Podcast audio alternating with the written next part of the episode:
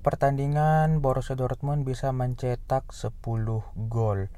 Apakah ini efek striker baru atau emang cuma kebetulan aja? Kembali lagi dengan Yellow Wall ID Podcast.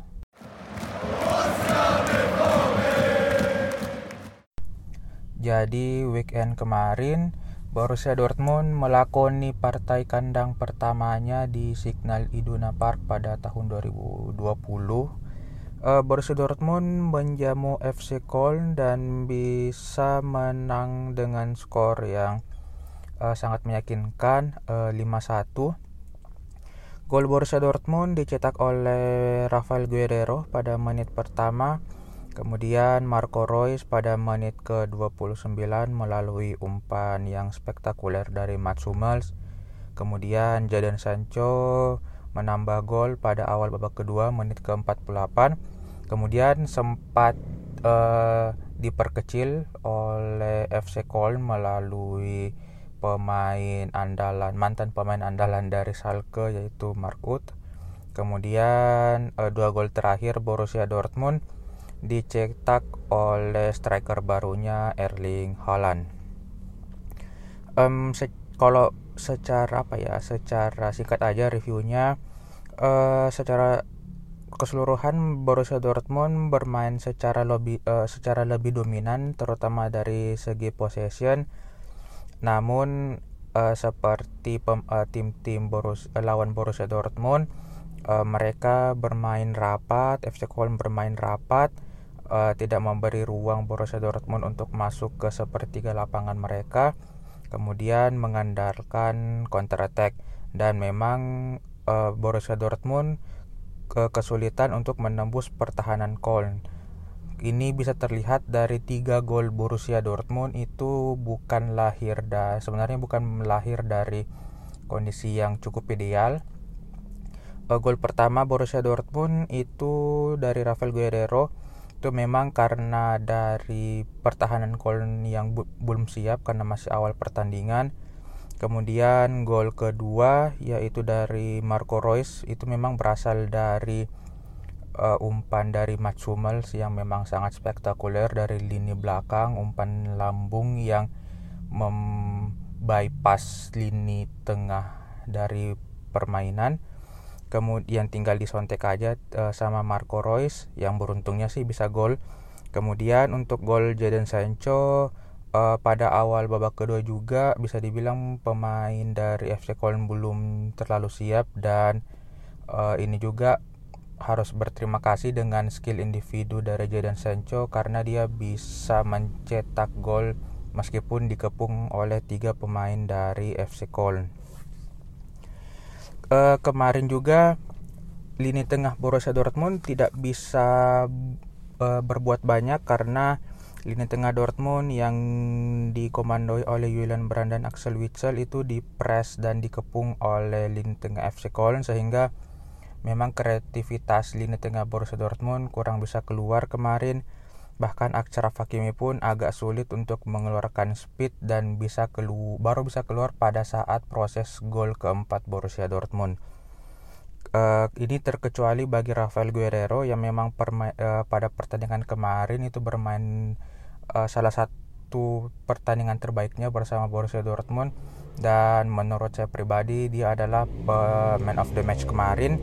Dia bagus dalam kontrol bola kemudian uh, pergerakan juga sangat efektif.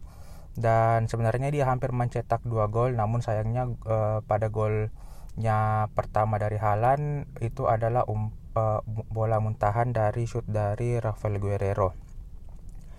Sedangkan untuk Jadon Sancho ini dia tetap esensial bahkan bisa dibilang ini adalah permainan yang bisa dibilang sangat standar bagi Jadon Sancho dengan mencetak satu gol dan satu assist. Uh, kemudian untuk Marco Reus ya meskipun sebenarnya permainannya tidak terlalu berkembang dari per, uh, dari kemarin-kemarin namun setidaknya dia mencetak gol dan semoga ini bisa meningkatkan percaya dirinya. Namun uh, Marco Reus ini sepertinya memang perlu dirotasi seperti uh, oleh pemain seperti Mahmud Dahoud atau mungkin uh, Torgan Hazard yang bisa disorong ke tengah atau Julian Brand yang bisa dimasuk di agak majukan ke depan atau bisa mainkan Mario Götze atau bisa memainkan setengah skema dua striker dengan Paco Alcacer. Kemudian uh, untuk barisan pertahanan uh, Manuel Akanji tampil cukup solid pada pertandingan kemarin tidak seperti pertandingan-pertandingan sebelumnya mungkin karena dia sudah masuk daftar uh, yang bakalan dilepas pada akhir musim nanti. Kemudian Mats Hummels dia tetap menjadi leader bagi uh, pertahanan Borussia Dortmund dan umpan panjangnya memang menjadi salah satu senjata alternatif bagi Borussia Dortmund musim ini. Sedangkan untuk Erling Haaland uh, sepertinya saya tidak perlu membahas terlalu lebih detail karena ini masih dua pertandingan.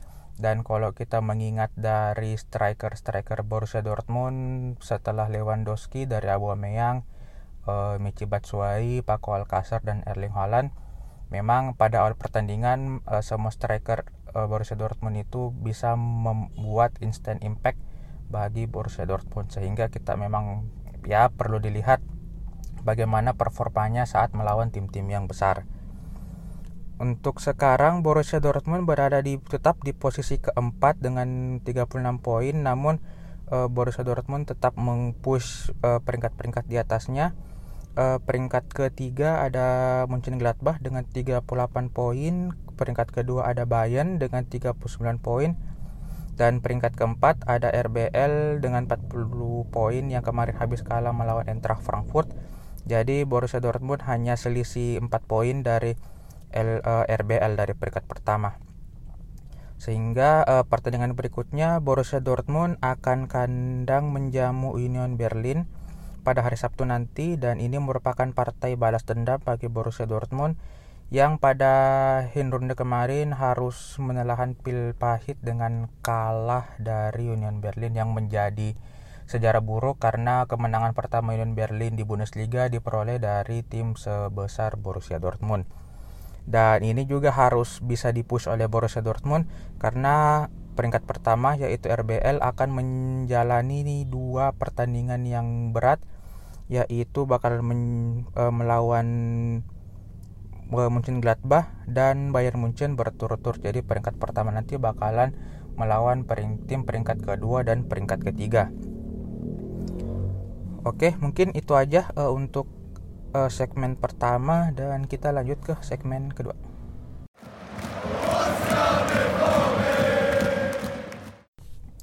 Oke, untuk segmen kedua mungkin bakalan uh, agak beda dari yang sebelum-sebelumnya karena biasanya segmen kedua bahas berita yang berkaitan dengan Borussia Dortmund atau uh, gosip transfer. Namun untuk kali ini saya coba bakalan fokuskan ke salah satu gosip transfer yang uh, cukup kencang pada beberapa akhir uh, hari terakhir ini sekitar dua hari terakhir memang bertanya cukup kencang yaitu berita transfer Emre Can.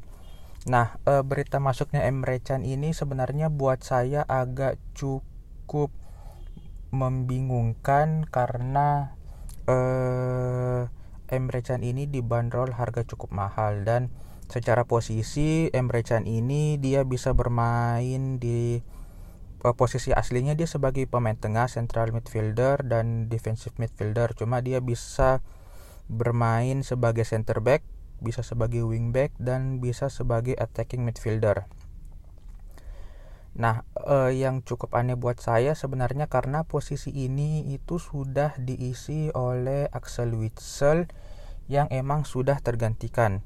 Nah, meskipun memang eh, kabarnya sih Emre Can ini diproyeksikan sebagai pengganti Julian Weigel, namun eh, sebenarnya kan untuk sekarang apalagi dengan formasi yang baru dari Borussia Dortmund, formulasi eh, dua lini tengah Borussia Dortmund sudah dipatenkan oleh eh, Julian Brand dan Axel Witsel.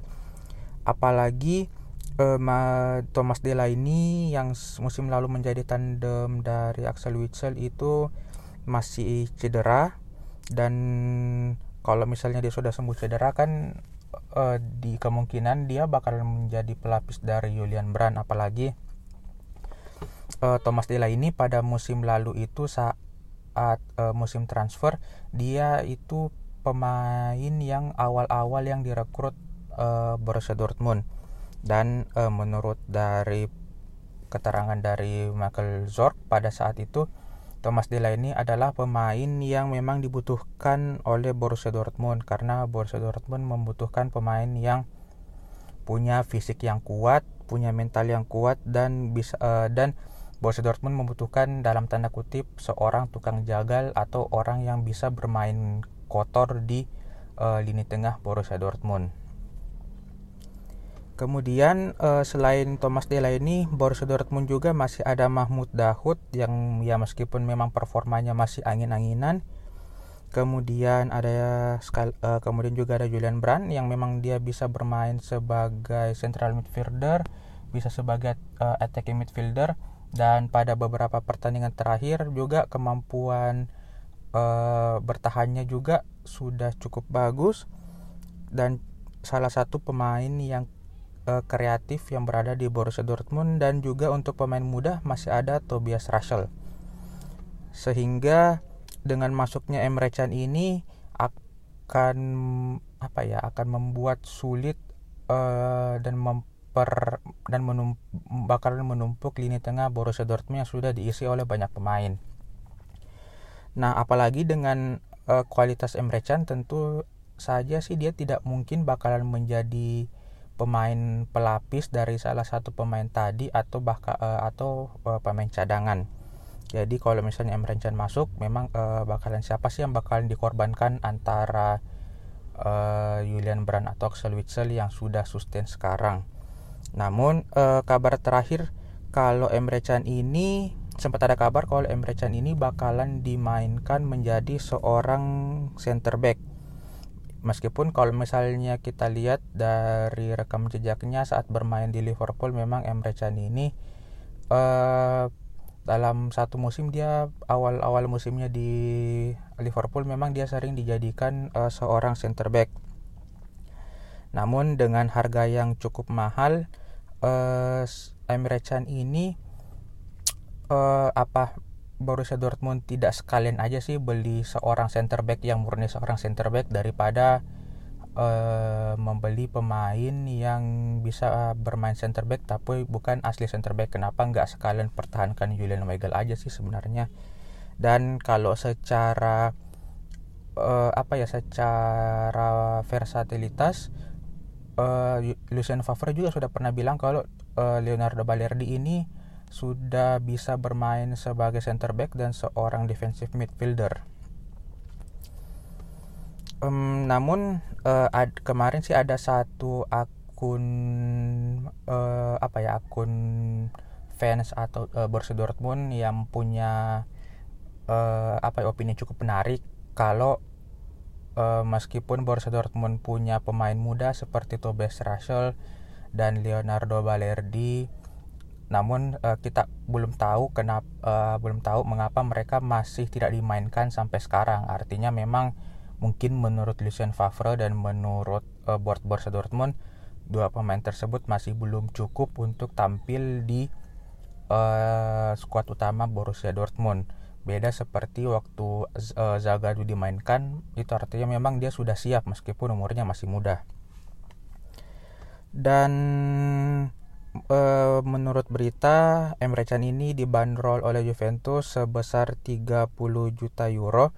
Dan ini juga uh, bagi beberapa fans Borussia Dortmund harga yang cukup tidak masuk akal apalagi untuk ukuran pemain yang amat sangat jarang dimainkan musim ini bersama Juventus apalagi gajinya juga uh, di Juventus adalah 16 juta 16 juta euro per tahun uh, Emre Can ini adalah pemain Jerman dengan gaji tertinggi ketiga di bawah Toni Kroos dan Mesut Ozil. Sehingga dengan kemampuan finansial sekarang yang bagi Borussia Dortmund apakah Borussia Dortmund mampu untuk membayar biaya transfer dan menggaji Emre Can setinggi ini Oke, jadi untuk uh, Emre Can ya menurut saya sih ini mas transfernya masih agak nonsens, masih kurang masuk akal. Meskipun beritanya sih katanya sisa menunggu waktu aja untuk diresmikan. dan ya kalau gitu kita tunggu aja berita pastinya untuk transfer Emre Can ini Oke, mungkin itu aja untuk segmen kedua. Ya bahas singkat sih tentang transfer isu transfer dari Emre Can dan kita lanjut ke segmen berikutnya.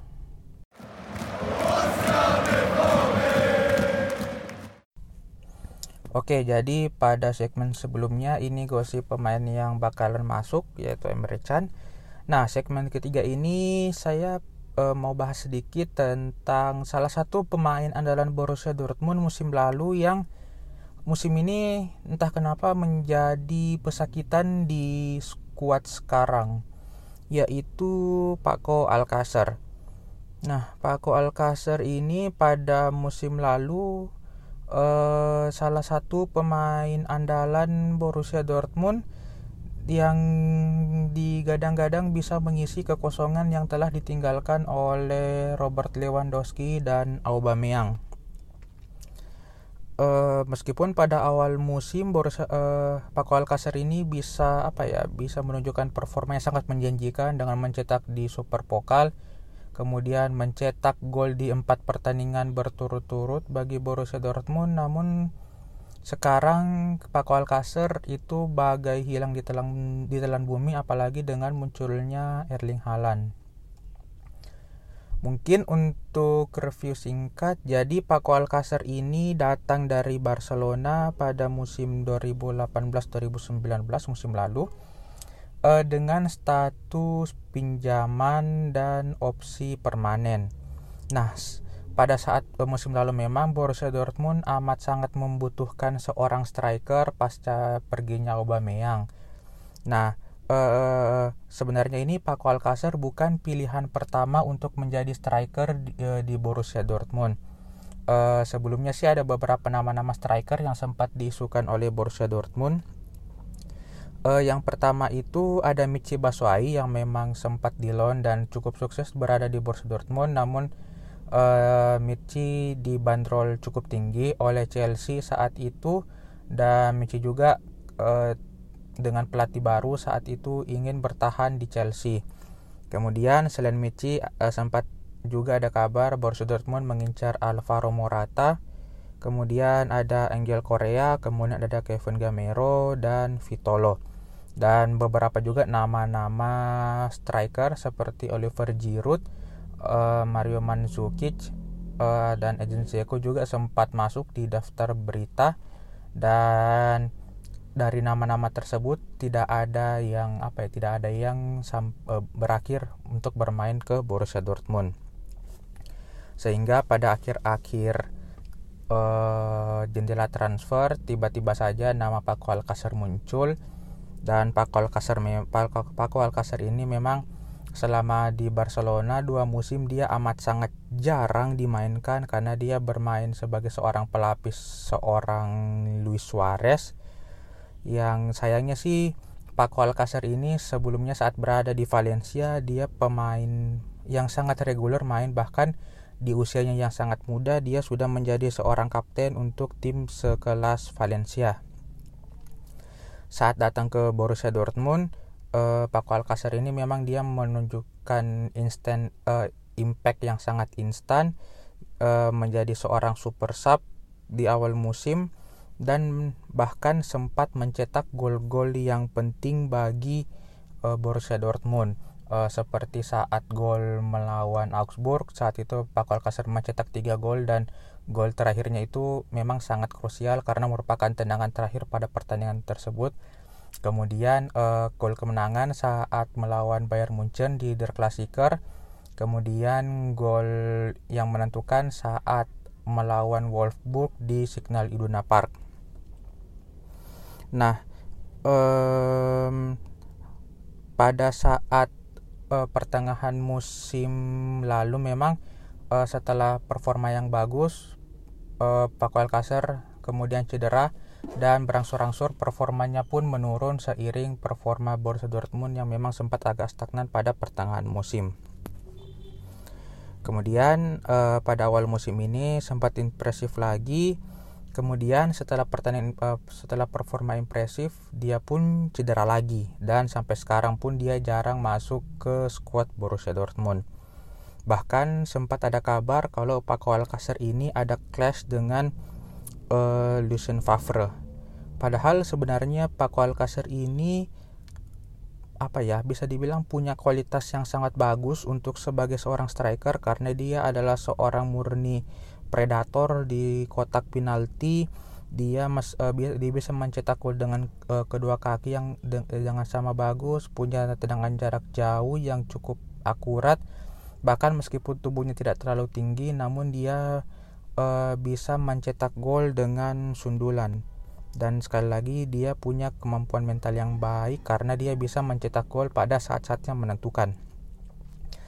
Uh, dari analisis saya sih sebenarnya um, Paco Alcacer ini dia punya dua masalah yang sangat besar saat berada di Borussia Dortmund. Yang pertama itu masalah kebugaran.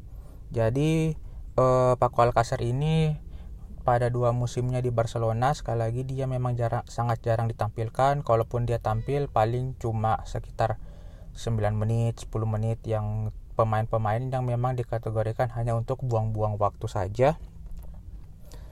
Um, bahkan di Barcelona pun juga dia itu memang udah sering cedera. Dan ketika ketika di Borussia Dortmund pada awal musim kemarin dia juga sempat cederaan sehingga menurut Michael Zorc uh, kalau memang Paco Alcacer butuh waktu untuk mengembalikan uh, kemampuan fisiknya lagi. Nah, Uh, kemudian pada awal musim ini meskipun Paco Alcacer sudah menunjukkan performa yang sangat baik namun kembali lagi dia cedera. Padahal pada saat training camp kemarin uh, sudah digadang-gadang kalau Paco Alcacer ini sudah kembali ke 100% untuk kemampuan fisiknya seperti semula namun ternyata dia cedera lagi. Jadi Paco Alcacer ini uh, ritmenya sih dia dia awal-awalnya dia main bagus main impresif kemudian dia cedera kemudian setelah cedera dia kesulitan untuk menemukan menemukan ritme permainannya lagi sehingga setelah itu ya dia bak dia uh, drop dan sulit masuk squad lagi apalagi sekarang sudah ada Erling Haaland. Nah, masalah kedua bagi Paco Alcacer dan menurut saya ini salah satu pak faktor terbesar sehingga Paco Alcacer bakalan pindah dari Borussia Dortmund adalah faktor homesick. Jadi eh, Spanyol ini salah satu eh, Spanyol itu bagi, eh, bagi beberapa pemain memang negara yang apa ya sangat diidam-idamkan eh, bagi pemain sepak bola. Karena apalagi secara iklim Spanyol dan Jerman sangat berbeda. Eh, Jerman itu memang terkenal sangat dingin bahkan untuk untuk masuk ke peralihan dari musim gugur ke musim dingin pun juga itu udah sangat dingin bisa sampai di bawah 10 derajat suhunya. Dan di Jerman pun meskipun ada matahari namun suhunya itu tetap berada di bawah 10 derajat memang sangat dingin. Dan bagi Paco Alcacer yang uh, selama hidupnya berada di Spanyol uh, mungkin bakalan agak kesulitan. Apalagi Pak Alcacer ini membawa anak dan istrinya yang katanya sih mereka ber, uh, anak dan istrinya Pak Alcacer ini sangat rindu dengan suasana Spanyol. Dan uh, mereka pun juga katanya rindu dengan makanan Spanyol dan harus diakui memang uh, makanan di Jerman tidak sebaik uh, makanan di daerah-daerah Eropa sekitar Eropa Selatan, Spanyol, Italia dan Portugal. Um, sehingga uh, dengan homesicknya anak dan istri Paco Alcacer ini sepertinya berdampak kepada performa dari Paco Alcacer yang ya pada akhirnya membuat Paco Alcacer juga ingin pindah dan kembali ke Spanyol dan memang sih secara iklim dan kuliner dan kompetisi memang Spanyol ini sangat menarik bagi sepak bola. Dan yang uh, masih segar diingatan sih sebenarnya saat itu saat uh, Pep Guardiola sebelum melatih Bayern Munchen uh, saat itu kan kabarnya dia Bayern Munchen sempat ngincar Neymar namun Pep ragu-ragu dengan Neymar karena katanya pemain dari klim tropis di Brazil bakalan kesulitan untuk bermain di Jerman sehingga pilihan Pep saat itu beralih ke Mario Götze. Nah, saat ini eh, Paco Alcacer diincar oleh tim lamanya Valencia, kemudian Tottenham Hotspur, kemudian ada Atletico Madrid dan Barcelona. Nah, hmm, ini bakal menarik ke mana Paco Alcacer bakalan pindah atau bakalan tetap Nah, ini juga bakalan menarik buat Borussia Dortmund apakah mereka bakalan rela melepas Paco Alcacer karena ini bakal menjadi gambling terbesar bagi Borussia Dortmund karena meskipun Halan performanya cukup impresif pada awal musim ini namun kita nggak bakalan tahu karena Borussia Dortmund ini adalah tim yang dikutuk untuk dari segi cedera jadi kita nggak tahu siapa tahu tiba-tiba aja si Halan cedera pada uh, beberapa pekan ke depan. Nah, untuk secara harga sih ber, eh, Paco Alcacer ini dibeli secara permanen sebesar 21 juta euro dan sebelumnya ada 2 juta euro untuk eh, biaya pinjamannya jadi sekitar total 23 juta euro. Um, Paco Alcacer ini dibanderol oleh BVB sebesar 40 juta euro kalau misalnya dari data dari Transfermarkt sih kisarannya 40 sampai 50 juta euro. Nah, dari empat tim teratas empat tim tadi ini menarik uh, siapa sih yang bakalan mau menebus Paco Alcacer dengan uh, kisaran yang cukup besar ini sih. Oke, mungkin itu aja untuk uh, segmen dan episode kali ini. Uh, kita jumpa lagi di episode berikutnya.